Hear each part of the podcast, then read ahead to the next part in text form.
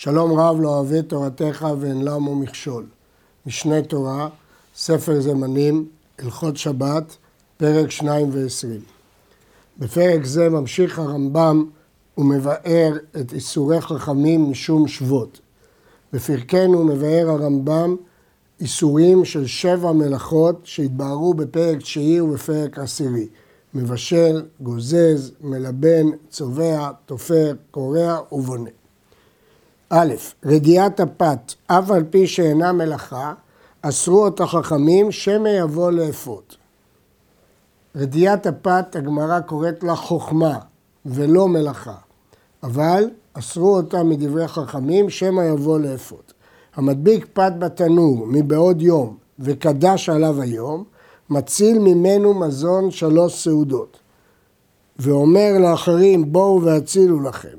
ואף על פי שהרדיעה אינה מלאכה, כשהוא מציל לא ירדה במרדה אלא בסכין כדי לשנות. ובכן, האדם נתן מבעוד יום פת לתנור, והרי חכמים אסרו עליו לרדותה, אבל מפני עונג שבת התירו לו לרדות שלוש סעודות בשינוי, היתר של חכמים. ב. מפני מה אסרו חכמים להיכנס למרחץ בשבת? מפני הבלנים שהיו מחמין חמין בשבת ואומרים מערב שבת הוחמו. לפיכך גזרו שלא ייכנס אדם למרחץ בשבת אפילו להזיע. וגזרו שלא ישתתף כל גופו בחמין ואפילו בחמין שהוחמו מערב שבת. אבל פניו, ידיו ורגליו מותר. ובכן ישנה גזירת מרחצאות מפני הבלנים שהיו מרמים ולכן האיסור למסקנה לפי דברי הרמב"ם, בגמרא יש שלבים שונים, אבל למסקנה אסרו להזיע במרחצאות ואסרו לרחוץ את כל גופו ולהשתתף כל גופו בחמין. אפילו בחמין שהוחמו מערב שבת, כדי שלא ירמו ויחממו בשבת. אבל אם זה לא כל גופו, מותר. כל זה, במה דברים אמורים? בחמי האור. אבל בחמי טבריה וכיוצא בהם, מותר להשתתף בהם כל גופו. ואסור לרחוץ במים חמים שבמערות, מפני שהמערה יש בה הבל, ויבוא לידי זהה ונמצאת כמרחץ. אם כן פוסק הרמב"ם, שבחמי טבריה יש דין מיוחד שהתירו בהם להשתתף כל גופו, אבל במערה אסרו שמא יבוא לידי זהה ונמצאת כמרחץ. הננו להדגיש שהרמב"ם משתמש בהלכה הזאת במונחים רחיצה ושטיפה. אה, יש לזכור שלדעת רבי שמעון הקלו בשטיפה יותר מברחיצה, וכפי שבאר ראשי שטיפה זו שפיכת מים, אין דרך רחיצה בכך. אבל לרבי יהודה אין הבדל בין רחיצה לשטיפה. ניתן לומר שהרמב"ם פסק כדעת רבי יהודה ואין הבדל בדין בין רחיצה לשטיפה. מתחמם אדם כנגד המדורה ויוצא ומשתתף כל גופו בצונן. אבל אינו משתתף כל גופו בצונן ובא ומתחמם כנגד המנורה מפני שמפשיר מים שעליו ונמצא כרוחץ כל גופו בחמין. אם כן, לפי הרמב"ם, האיסור להפשיר מים, כלומר, כאשר אדם משתתף במים בצונן ועומד כנגד המדורה ומפשיר את המים, הבעיה לא מדין בישול, כי זה אפשר בלבד, אלא הבעיה היא מדין גזירת מרחצאות, שהדבר דומה לרחיצת הגוף. המביא סילון של צונן בתוך מים חמים, אפילו בתור חמי טבריה, הרי אלו כחמין שהוחמו בשבת ואסורים ברחיצה ושתייה.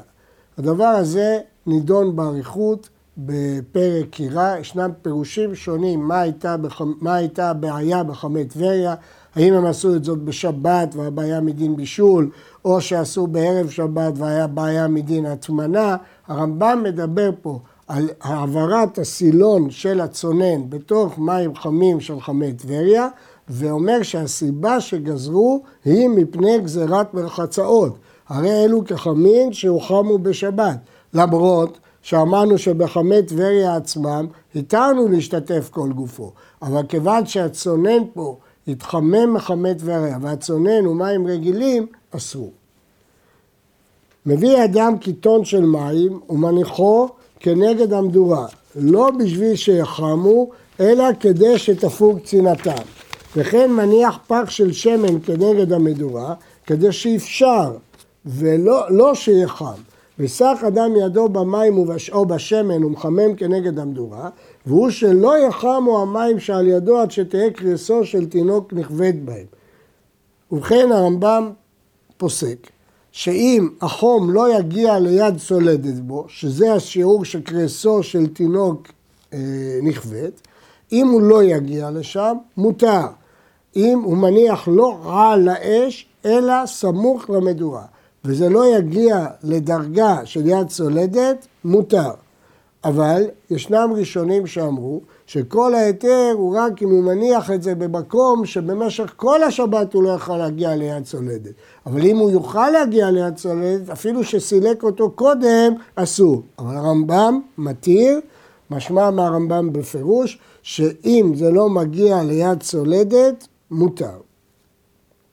הוא מחמם בגד ומניחו על גבי מאהב בשבת. מותר להניח אה, בגד חם על גבי המעיים, אין בזה לא גזירת רחיצה, זה לא דומה לרחיצה.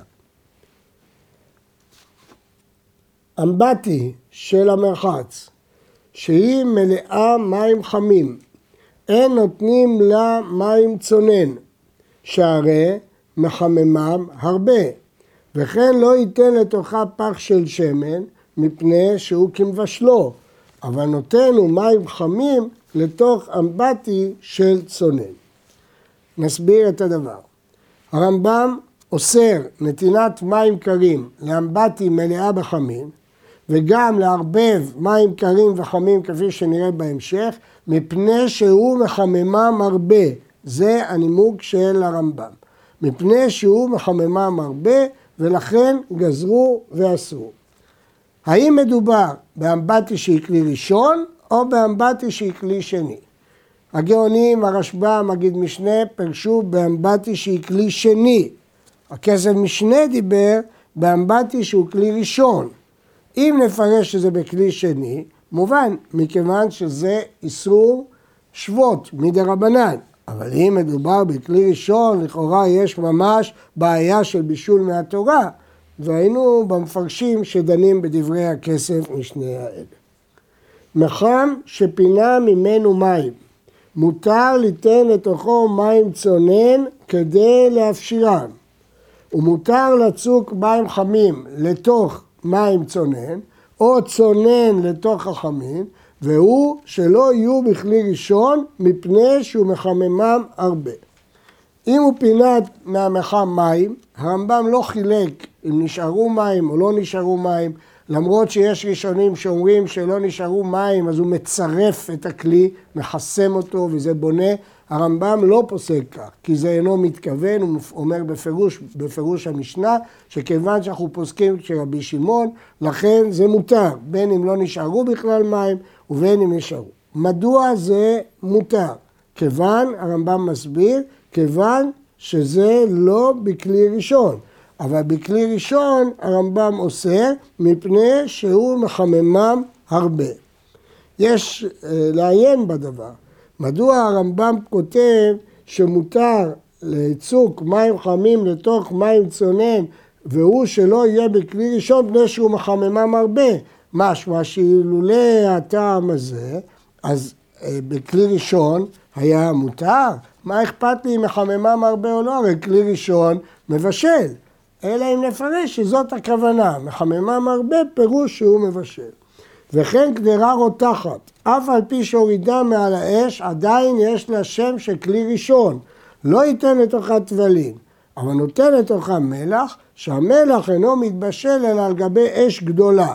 כך מסקנת הגמרא, יש דיון לגבי מלח, מסקנת הפסיקה שמלח אינו מתבשל אלא בכלי שעומד על האש, אש גדולה. ואם צק התבשיל מקדרה לקערה, אף על פי שהוא רותח בקערה, ולכאורה מה ההבדל כשהוא היה בקדרה לבין הוא בכלי שני, מותר ליתן לתוך הקערה טבלים, שכלי שני אינו מבשל.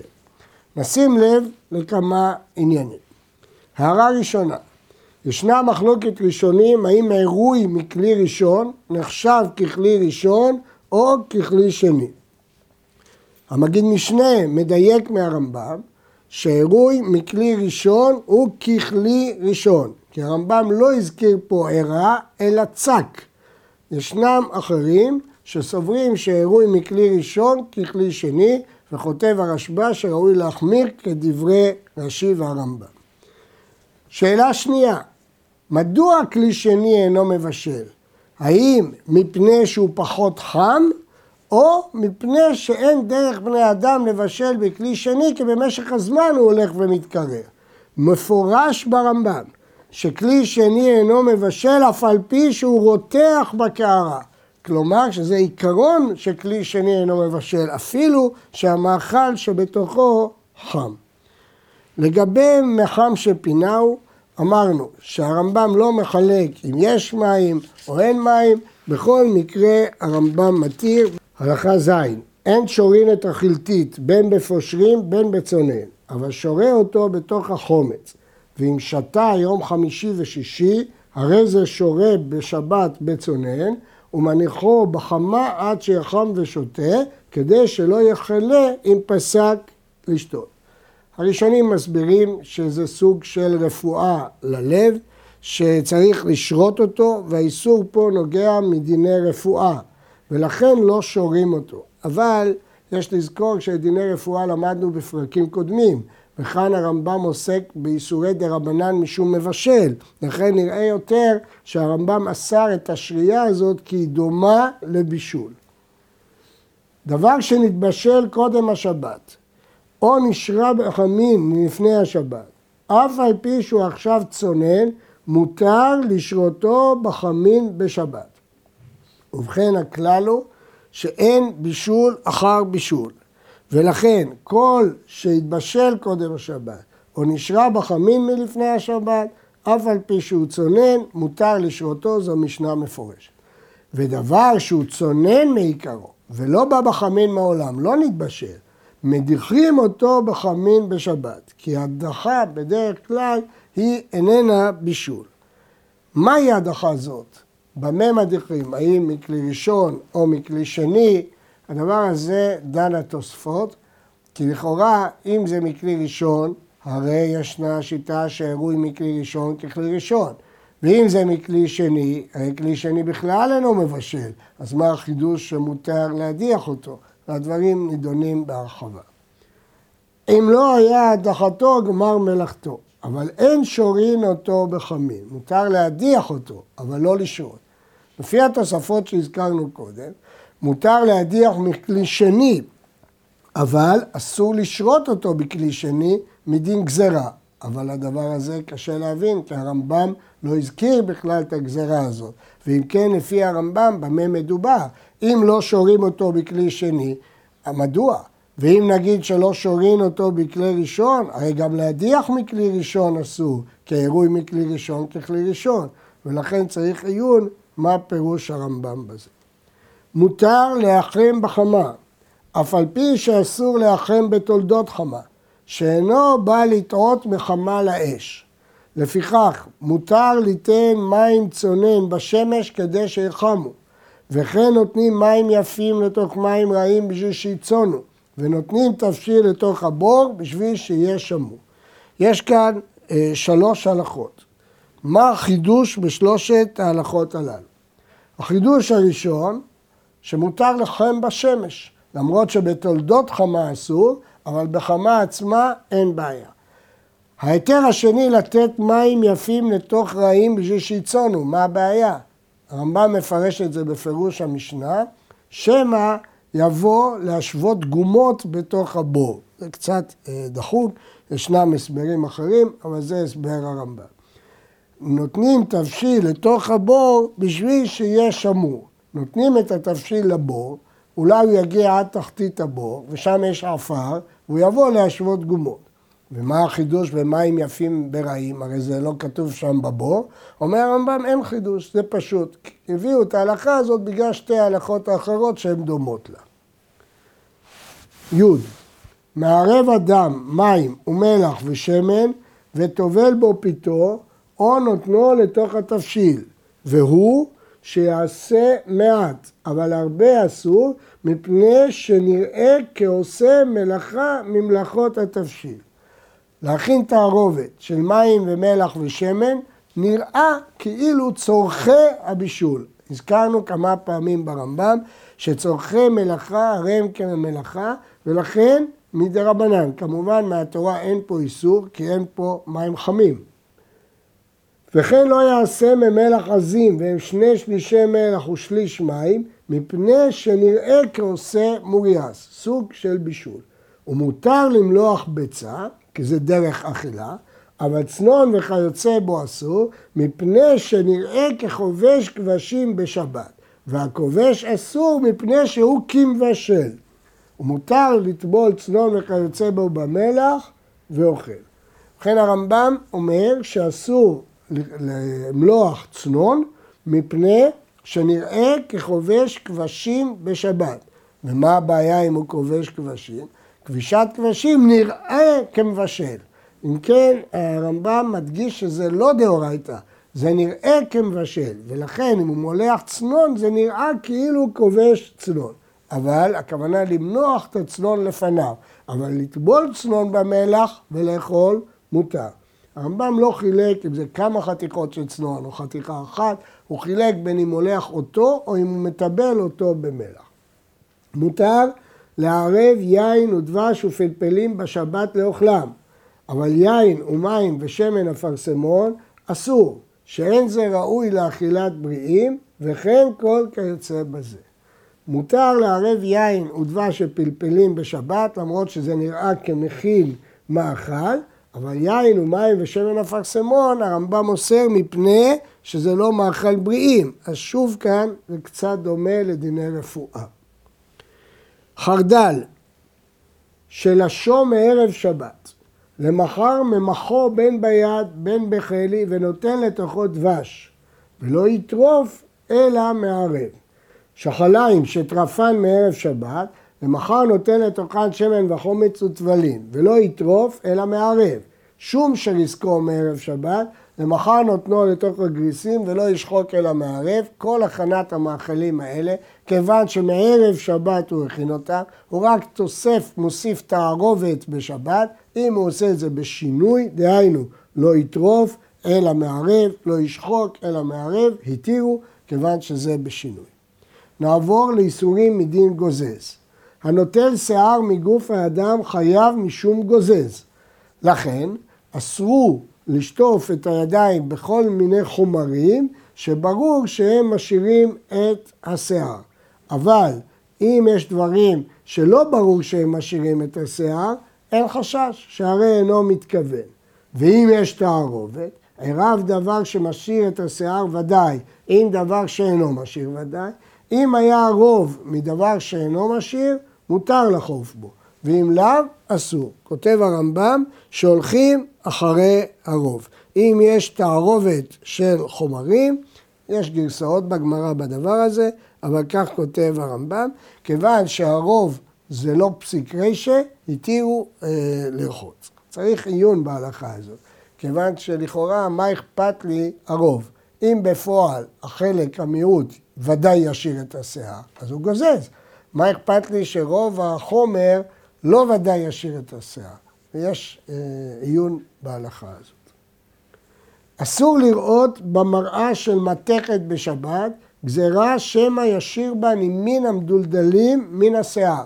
תוך כדי הסתכלות במראה הוא יתקן את שערו ויגזוז. ואפילו קבועה בכותל, אבל מראה שאינה של מתכת, מותר לראות בה אפילו אינה קבועה. יש בגמרא דעות שונות, האם מדובר בקבועה או לא קבועה, במתכת או לא מתכת, הרמב"ם פוסק את הנקמה שם לפי הבנת הריף, שמראה של מתכת היא חריפה כאזמל, ולכן אסרו, אבל כל מראה אחרת מותר, ואין חילוק בין קבוע ללא קבוע.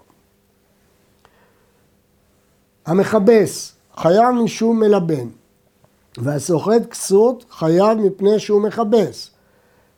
כיבוס היא מלאכה דאורייתא. גם סחיטה היא צורכי הכיבוס, למדנו שהיא מלאכה דאורייתא. לפיכך גזרו חכמים אסור לדחוק מטלית או מוח וכיוצא בהם בפי השישה, כיוצא בה כדי לסותמה, שמא יבוא לידי סחיטה. אם כן, כל דבר שאנחנו חוששים שהוא יבוא לידי סחיטה, אסור. וספוג, ואין מקנחים בספוג, אלא אם כן יש לו בית אחיזה שלא יסחוט. מה הדין של הספוג? הרמב"ם מסביר בפירוש המשנה, ספוג הוא צמר ים שמנגבים בו, ובית אחיזה מעכבו מלהיסחט כשמנגבים בו. ולכן אה, כולם מודים שאם אין בית אחיזה אסור, גם רבי שמעון, כי, מת... כי בוודאי יסחט, אבל אם יש לו בית אחיזה, מותר, כיוון שזה מעכב ולא בוודאי אה, יסחט. הקושי בהסבר הזה, שאם כן ניגוב בספוג ללא בית אחיזה, היה צריך להיות איסור תורה, אם זה בוודאי יסחט. אה, מוכרחים לומר שהסחיטה של בגד שלא בדרך ניקוי, אלא בדרך לכלוך, לא נקראת לפי הרמב"ם מלבן, כפי דעת של חלק הראשונים. ולכן ודאי שאין פה ליבון מן התורה, אלא הכל היא גזירת חכמים. ישנה דעה אחרת, דעת הראב"ד, שהוא מפרש שכשיש לו בית אחיזה זה כצלוחית מלאה מים שהוא מרקן אותה. וכשאין לו בית אחיזה זה כבגד שאסור לשוחתו. ברור אה, שלא לטעות, לא, לא לבלבל בין הסחיטה של בגד שהיא מדין אה, מלבן לבין סחיטת פירות שמדין מפרק, שזה שני דינים שונים לחלוטין. נשברה לו חבית בשבת, מציל מה שהוא צריך לשבת לו ולאורחיו, ובלבד שלא יספק ביין או יתהפך בשמן, שאם יעשה כדרך שהוא עושה בחול, שמא יבוא לידי סחיטה. אם כן, החבית נשברה, הוא רוצה להציל ממנה, צריך להיזהר שלא יבוא לסחוט, ולכן לא בדרך של סיפוג כמו בחול, אלא בדרך אחרת. מהי הדרך האחרת? מביא כלי ומניח תחתיה, ולא יביא כלי אחר ויקלוט, כלי אחר ויצרב. גזירה שמא יביא כלי דרך רשות הרבים. הזדמנו לו אורחים, מביא מביתו כלי אחר וקולט, כלי אחר ומצרפו לראשון. ולא יקלוט אחר כך יזמן, אלא יזמן ואחר כך יקלוט. אם כן, אה, התירו פה אה, להציל מן החבית בשני תנאים. תנאי אחד, תנאי אחד, שלא אה, יבוא לידי סחיטה, כלומר לא יספק. תנאי שני, שלא יבוא לטלטל כלי ברשות הרבים, ולכן התירו לו רק באופן הזה שהרמב"ם אומר, אבל אם מהרים מותר. נשים לב שהרמב"ם לא אמר שלכתחילה מותר להרים, אומר אם מהרים מותר. יש לעיין בדבר הזה, האם זה דין לכתחילה או לא, אז למה הרמב"ם לא כותב הוא מותר להרים? נראה לי לומר שלא שייך להגיד ביטוי מותר להרים. אי אפשר לתת היתר לכתחילה להרים. אם הוא הרים, אין בכך כלום. אבל אי אפשר לכתוב לכתחילה שמותר להרים. טיצ'ה על גבי בגדו, מחסקסו מבפנים ואינו מחסקסו מבחוץ, גזירה שמא יכבס. ומותר לגרדו בציפורן, ואינו חושש שמא ילבנו. המחסקס את הסודר אסור, מפני שהוא מלבנו, אבל החלוק מותר, פני שאין כוונתו אלא לגע כחום. מדובר על שפשוף הבגד, שפשוף של סודר אסור, מפני שהוא מלבן. חלוק מותר, כי הוא רק מרכך. הדברים האלה לא תלויים בגרסת הגמרא. הגמרא מסופר שרב נחמן שאל את רב ספרא לגבי סכסוך חלוק, ואז שאלו אותו למה הוא לא שאל לגבי סכסוך סודר, ויש כמה גרסאות בגמרא, אם הוא פשט לאיסורא או פשט ליתרא, ברור שהרי, שהרמב"ם פסק פה שכמו רש"י, שבסודר אסור ובחלוק מותר. נעיר שבפסק הזה הרמב"ם חולק על הריף, זה לא דבר מצוי, כי הריף פוסק שלקולה שגם בסודר מותר. אבל הרמב"ם הולך עם שיטת רש"י פה, שבסודר אסור וחלוק מותר. מנהל או סנדל, שנתלכלך בתית או בצואה, מותר לשכשכו במים, אבל לכבסו אסור. ואין מגרדים לא מנהלים ולא סנדלים, אבל שחים ומקנחים את הישנים. קר או כסת שהיה עליהם צואה או טינוף, מקנחו בסמרטוט. ואם הייתה על של עור, נותן עליהם מים עד שתכלה. עור, אין בו כיבוס. לכן מהתורה אין בכלל מושג של אה, כיבוס במים בעור, כי בבגד שרייתו הוא כיבוסו, אבל לא באור. ולכן, שכשוך באור, יש מקרה שאסור ויש מקרה שמותר. לשכשך אותו בלבד במים, מותר. אבל לכבס אותו זה נראה ככיבוס, ולכן חכמים אסרו. לגבי השאלה של אה, ישן או חדש, תלוי הדבר בגרסאות הגמרא, מה מותר ומה אסור. הרמב"ם פוסק שישן מותר וחדש אסור. קר או בגד, שרייתו זהו כיבוסו, ולכן מה שהתירו זה לקנח בסמרטוט ולא לתת עליו מים. אבל על של אור התירו גם לתת מים. מי שנצטרך, יש להדגיש פה שהרמב"ם פוסק את האיסורים האלה משום מלבן ולא משום ממחק את הטיט מהנעל. מי שנתלכלכה ידו בטיט, מקלחה בזנב הסוס ובזנב הפרה ובמפה הקשה עשויה לאחוז בה את הקוצים. אבל לא במפה שמקלחים בה את הידיים, שלא יעשה כדרך שהוא עושה בחול ויבוא לכבס את המפה. ההלכה הזאת מפורשת בתוספתא. שהבעיה היחידה היא שלא יעשה כדרך שהוא עושה בחול. הרמב"ם מסביר, ומה אכפת לי אם הוא יעשה כדרך שהוא עושה בחול, שלא יבוא לכבס. יש להעיר שלא רואים פה את זנב הסוס והפרה כמוקצה. מי שרחץ במים, מסתפק בלונטיתו ומביאה בידו, ואין חוששים שמא יסחוט. וכן מי שנשרו כליו בדרך, מהלך בהם ואין חוששים שמא יסחוט. ואסור לו לשותחן ואפילו בתוך ביתו, גזירה, שמא יאמר הרועה, הרי זה כיבס כסותו בשבת, ושטחה ליבשה. בכל מקום שאסרו חכמים מפני מראית העין, אפילו בחדרי חדרים אסור. אם כן, הרמב"ם כותב פה, שמי שרחץ במים יכול להתנגב במגבת, בלונטית, ולהביא אותה בידו, ולא חוששים. אגב, במשנה כתוב שאסור. אבל הגמרא מביאה את דברי רבי יוחנן שמתיר. מי שנשרו כליו במים, הדבר הזה מפורש במשנה, אלא שבמשנה כתוב שרק נגד העם אסור, אבל להלכה, הגמרא מסיקה שכל מה שאסור מפני מראית העין, אפילו בחדרי חדרים אסור. שתי מטהרות, זו על גבי זו, נוטל את הפקק מבינתיים ומשיקן. יש לו עניין לטהר מקווה בהשקה, ולכן בריכות מים אחת ליד השנייה, שהוא רוצה לטהר אחת מהן בהשקה, מותר לו ליטול את הפקק ולהחזיר את הפקק למקומו. מהו הפקק? סמרטוט. הוא דוחף את הסמרטוט לתוך הנקב, מפני שאינו בא לידי סחיטה, שהרי דעתו שיצאו המים, אין לו עניין לסחוט את אותו סמרטוט. ופוקקים את הביל בסודרים ובכל דבר המיטלטל, כלומר שאיננו מוקצה, כדי שלא יצרופו המים על האוכלים ועל הכלים. אבל אין פוקקים את הביב כדי שירדו המים לבור, שמא יסחוט בעת שדוחק, שהרי הפקק שרוי במים. ובכן יש פה מקרים שמותר להכניס סמרטוט לנקב, לחסום מים, ויש מקרים שאסור. מהו העיקרון? מתי מותר ומתי אסור? אם הסתימה היא הרמטית, שדוחק את הבגד ויש חשש סחיטה, אסור. אם הסתימה היא לא הרמטית, הוא לא דוחק את הבגד ואין חשש סחיטה. בבית יוסף מסביר מדוע המקרים המותרים פה אין לו עניין בסתימה הרמטית, ואילו המקרים האסורים כאשר יש לו עניין לסתום סתימה גמורה. אסור לתקן בית יד של בגדים ולשברם שברים שברים כדרך שמתקנים בחול הבגדים כשמכבסים אותם. ואין מקפלים את הכלים בשבת כדרך שעושים בחול בבגדים כשיכבסו אותם. ואם לא היה לו כלי אחר להחליפו, מותר לקפלו ולפושטו להתכסות בו, כדי שיתנאה בו בשבת, והוא שיהיה בגד חדש לבן, שהוא מתמעך ומתלכלך מיד. וכשיקפל, לא יקפל אלא איש אחד, אבל יקפל בשניים אסור. ובכן פה סוגים של טיפ... סוג של טיפול בבגדים שהם קשורים לכיבוס.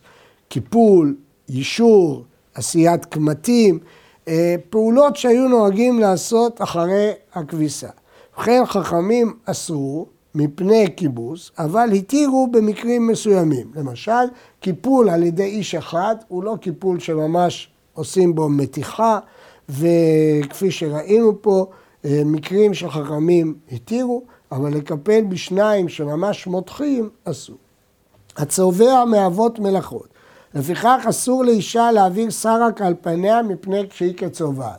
צבע האדום שהאישה שמה על הפנים כאיפור הוא לא דאורייתא. מדוע? כי הוא לא מתקיים. הרמב"ם כתב בפירוש למעלה שהצבע הזה יעבור, אבל חכמים אסרו אותו שנראה כצובע. התופר מאבות מלאכות, לפיכך אסור למלות הקר והכסת החדשים במוחין גזירה שמא יתפור. שימו לב, הרמב"ם לא אוסר פה מדין מתקן כלי, אלא שמא אחרי שהוא יכניס את המוחין הוא יתפור. אבל אם הם נשרו בשבת, מותר להחזיר אותם. הקורע מאבות מלאכות, לפיכך מי שנסתבכו בגדיו בקוצים, מפרישם בצנעה ומתמהמה. אין הכוונה בצנעה שאנשים לא יראו אותו. בצנעה הכוונה לאט ובעדינות כדי שלא יקראו. ואם נקראו, אינו חייב כלום, שהרי לא נתכוון, הוא לא התכוון לקרוע, בוודאי לא לקרוע על מנת לתפור, ולכן אינו חייב כלום. ומותר ללבוש כלים חדשים, למרות שהוא לא יודע אם הם יחזיקו מעמד, ואם נקראו, נקראו, גם כאן ודאי שהוא לא מתכוון. פוצעים את האגוז במטלית ואין חוששים שמא תיקרא, לא גזרו בזה חכמים. תוקע חייב משום בונה. לפיכך כל הדלתות המחוברות לקרקע לא נוטלים אותן ולא מחזירים, גזירה שמא יתקע. שמא יתקע איזה חזק ויהיה בונה, בקרקע יש בונה. אז למה לא ייטול? כי אם נתיר לו ליטול, הוא יבוא גם להחזיר. אבל דלת שידת איבה ומגדל, דלתות של ארונות של כלים, נוטלים ולא מחזירים. ואם נשמע ציר התחתון שלהם, דוחקים אותו למקומו, כי זה לא נקרא לתקוע. ובמקדש מחזירים אותו. התירו את השבות הזאת במקדש. אבל ציר העליון שנשמט, אסור להחזירו בכל מקום, שמא יתקע. כלומר, יש חילוק פה בציר העליון לציר תחתון, האם גזרו או לא גזרו. אה, נדגיש שיש אה, כמה דיונים בדבר, אה, בין הרמב"ם פסק בפרק י' המחזיר דלת של בור, עדות ויציע חייב משום בונה, משמע שזה איסור בונה מדין תורה, ופה משמע שזה איסור דה רבנן. דנים בזה, הבית יוסף דן באריכות, האם זה מחובר בקרקע או איננו מחובר בקרקע, יש כאן כמה וכמה קשיים. אין גודלים את שיער הראש ואין פוגסים אותו, פני שנראה כבונה. גודלת זה קולעת את שערה, פוקסת, מקיפה אותו סביב ראשה, זה גם סוג של כליאה, כך מפרש הרמב"ם בפירוש המשנה. ואין מחזירים מנורה של חוליות, ולא כיסא המפוצל, ולא שולחן המפוצל וכיוצא בהם, מפני שנראה כבונה. מדוע זה לא דאורייתא? כי אין בניין בכלים. אין בניין וסתירה בכלים. הסברנו שדעת הרמב"ם שלבנות כלי שלם אסור, אבל להחזיר כלי שהתפרק, אין בו בניין דאורייתא, אבל אסור מדי רבנן. ואם היה רפוי, מותר להחזירו. אם החזרת הכלי שמורכב מחלקים היא לא חזקה, היא רפויה, מותרת. ואין מתקנים חוליה של שדרה שקטן זו בצד זו, אין מעצבין את הקטן, מפני שנראה כבונה, זה מחזק את הגוף שלו ובונה אותו. העושה אוהל קבוע חייב משום בונה, אוהל גג. לפיכך אין עושים אוהל ארעי לכתחילה. גזירה שמא יעשה אוהל קבוע, אותו דין בסתירה. ואם עשה, פטור. ומותר להוסיף על אוהל ארעי. כיצד? טלית שהייתה פרוסה על העמודים או על הכתלים, זה אוהל ארעי, והייתה כרוכה קודם השבת, אם נשאר ממנה גג, טפח, הרי זה מותח את כולה בשבת עד שזה אוהל גדול וכן כל כיוצא בזה. כיוון שזה אוהל ארעי ולא קבע, וכיוון שכבר היה טפח מערב שבת, התירו להמשיך לפרוס את הגגון הזה. אין תולים את הקילה, שהרי נעשה תחתיה אוהל ארעי. פירוש שתחת המיטה נהיה ממש אוהל שמגן. ומותר להניח מיטה וכיסא ותרסקל, ואף על פי שיעשה תחתיהן אוהל, שאין זה דרך עשיית אוהל, לא קבע ולא ארעי. זה שהמיטה מהילה תחתיה או כיסא, זה לא אוהל, לא קבע ולא ארעי. כל אוהל משופר, שאין בגגות טפח, ולא בפחות משלושה סמוך לגגות רוחב טפח, הרי זה אוהל ארעי, כיוון שאין לו גג טפח ועושה אותו לכתחילה בשבת, פטור. טלית כפולה שהיו עליה חוטים שהיא תלויה בהם בערב שבת, מותר לנטותה כי אין גג. וכן הפרוקת, מותר לנטותה ומותר לפרקה, ואין אנחנו חוששים שתוך כדי זה יעשה גג.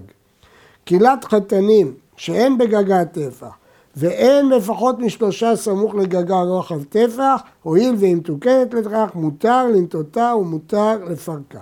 והוא שלא תהיה משולשלת מעל המיטה טפח. פקק החלון, בזמן שהוא מתוקן לכך, אף על פי שאינו קשור ואינו תלוי, מותר לפקוק בו את החלון, זה מחלוקת משניות, הלכה כיוון שזה חלון, מותר להחזיר אותו ולהוציא אותו. כובע, שעושים על הראש, ויש לו שפה מקפת שעושה צל, כמו אוהל, על לובשו, מגבעת, מותר ללובשו.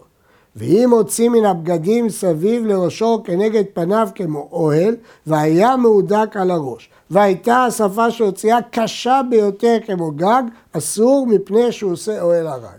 לפי הרמב"ם, כובע, שיש לו מחיצה שמעילה על הפנים, והיא קשה והיא מגנה כמו אוהל, והכובע מהודק, אסור מפני שאוהל ארעי. רש"י מפרש, להפך, שחוששים שמא ייפול ויביא אותו חשש אחר לגמרי, אבל לפי הרמב"ם, החשש הוא מדין אוהל, והפוסקים, בית יוסף, שולחן ערוך, דנו איך אנחנו היום לובשים כובעים, דיון גדול בשולחן ערוך.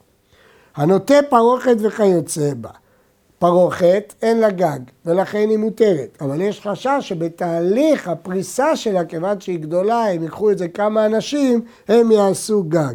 ולכן שניים יכולים לתלות, אבל אחד, תוך כדי נטיית הפרוכת, תהיה לו שלב שהיא תהיה גג. בגד שמכסה בו פי החבית לא יכסה את כולם, פני שנעשה אוהל, אלא מקצתה. כל כיסוי של חבית, יצירת אוהל, אז לכן יכסה רק מקצתה. המסנן בכפיפה מצרית, לא יגביה קרקעית הכפיפה מן הכלי טפח, כדי שלא יעשה אוהל הרע. הרמב"ם מפרש את שני הדינים האלה מדין אוהל. הרשב"א אומר שזה בתנאי שיש חלל בחבית טפח, אבל אם אסיר מלא אוכל ומכסים אותו, אין זה נקרא כלל עשיית אוהל, רק כאשר יש בו חלל.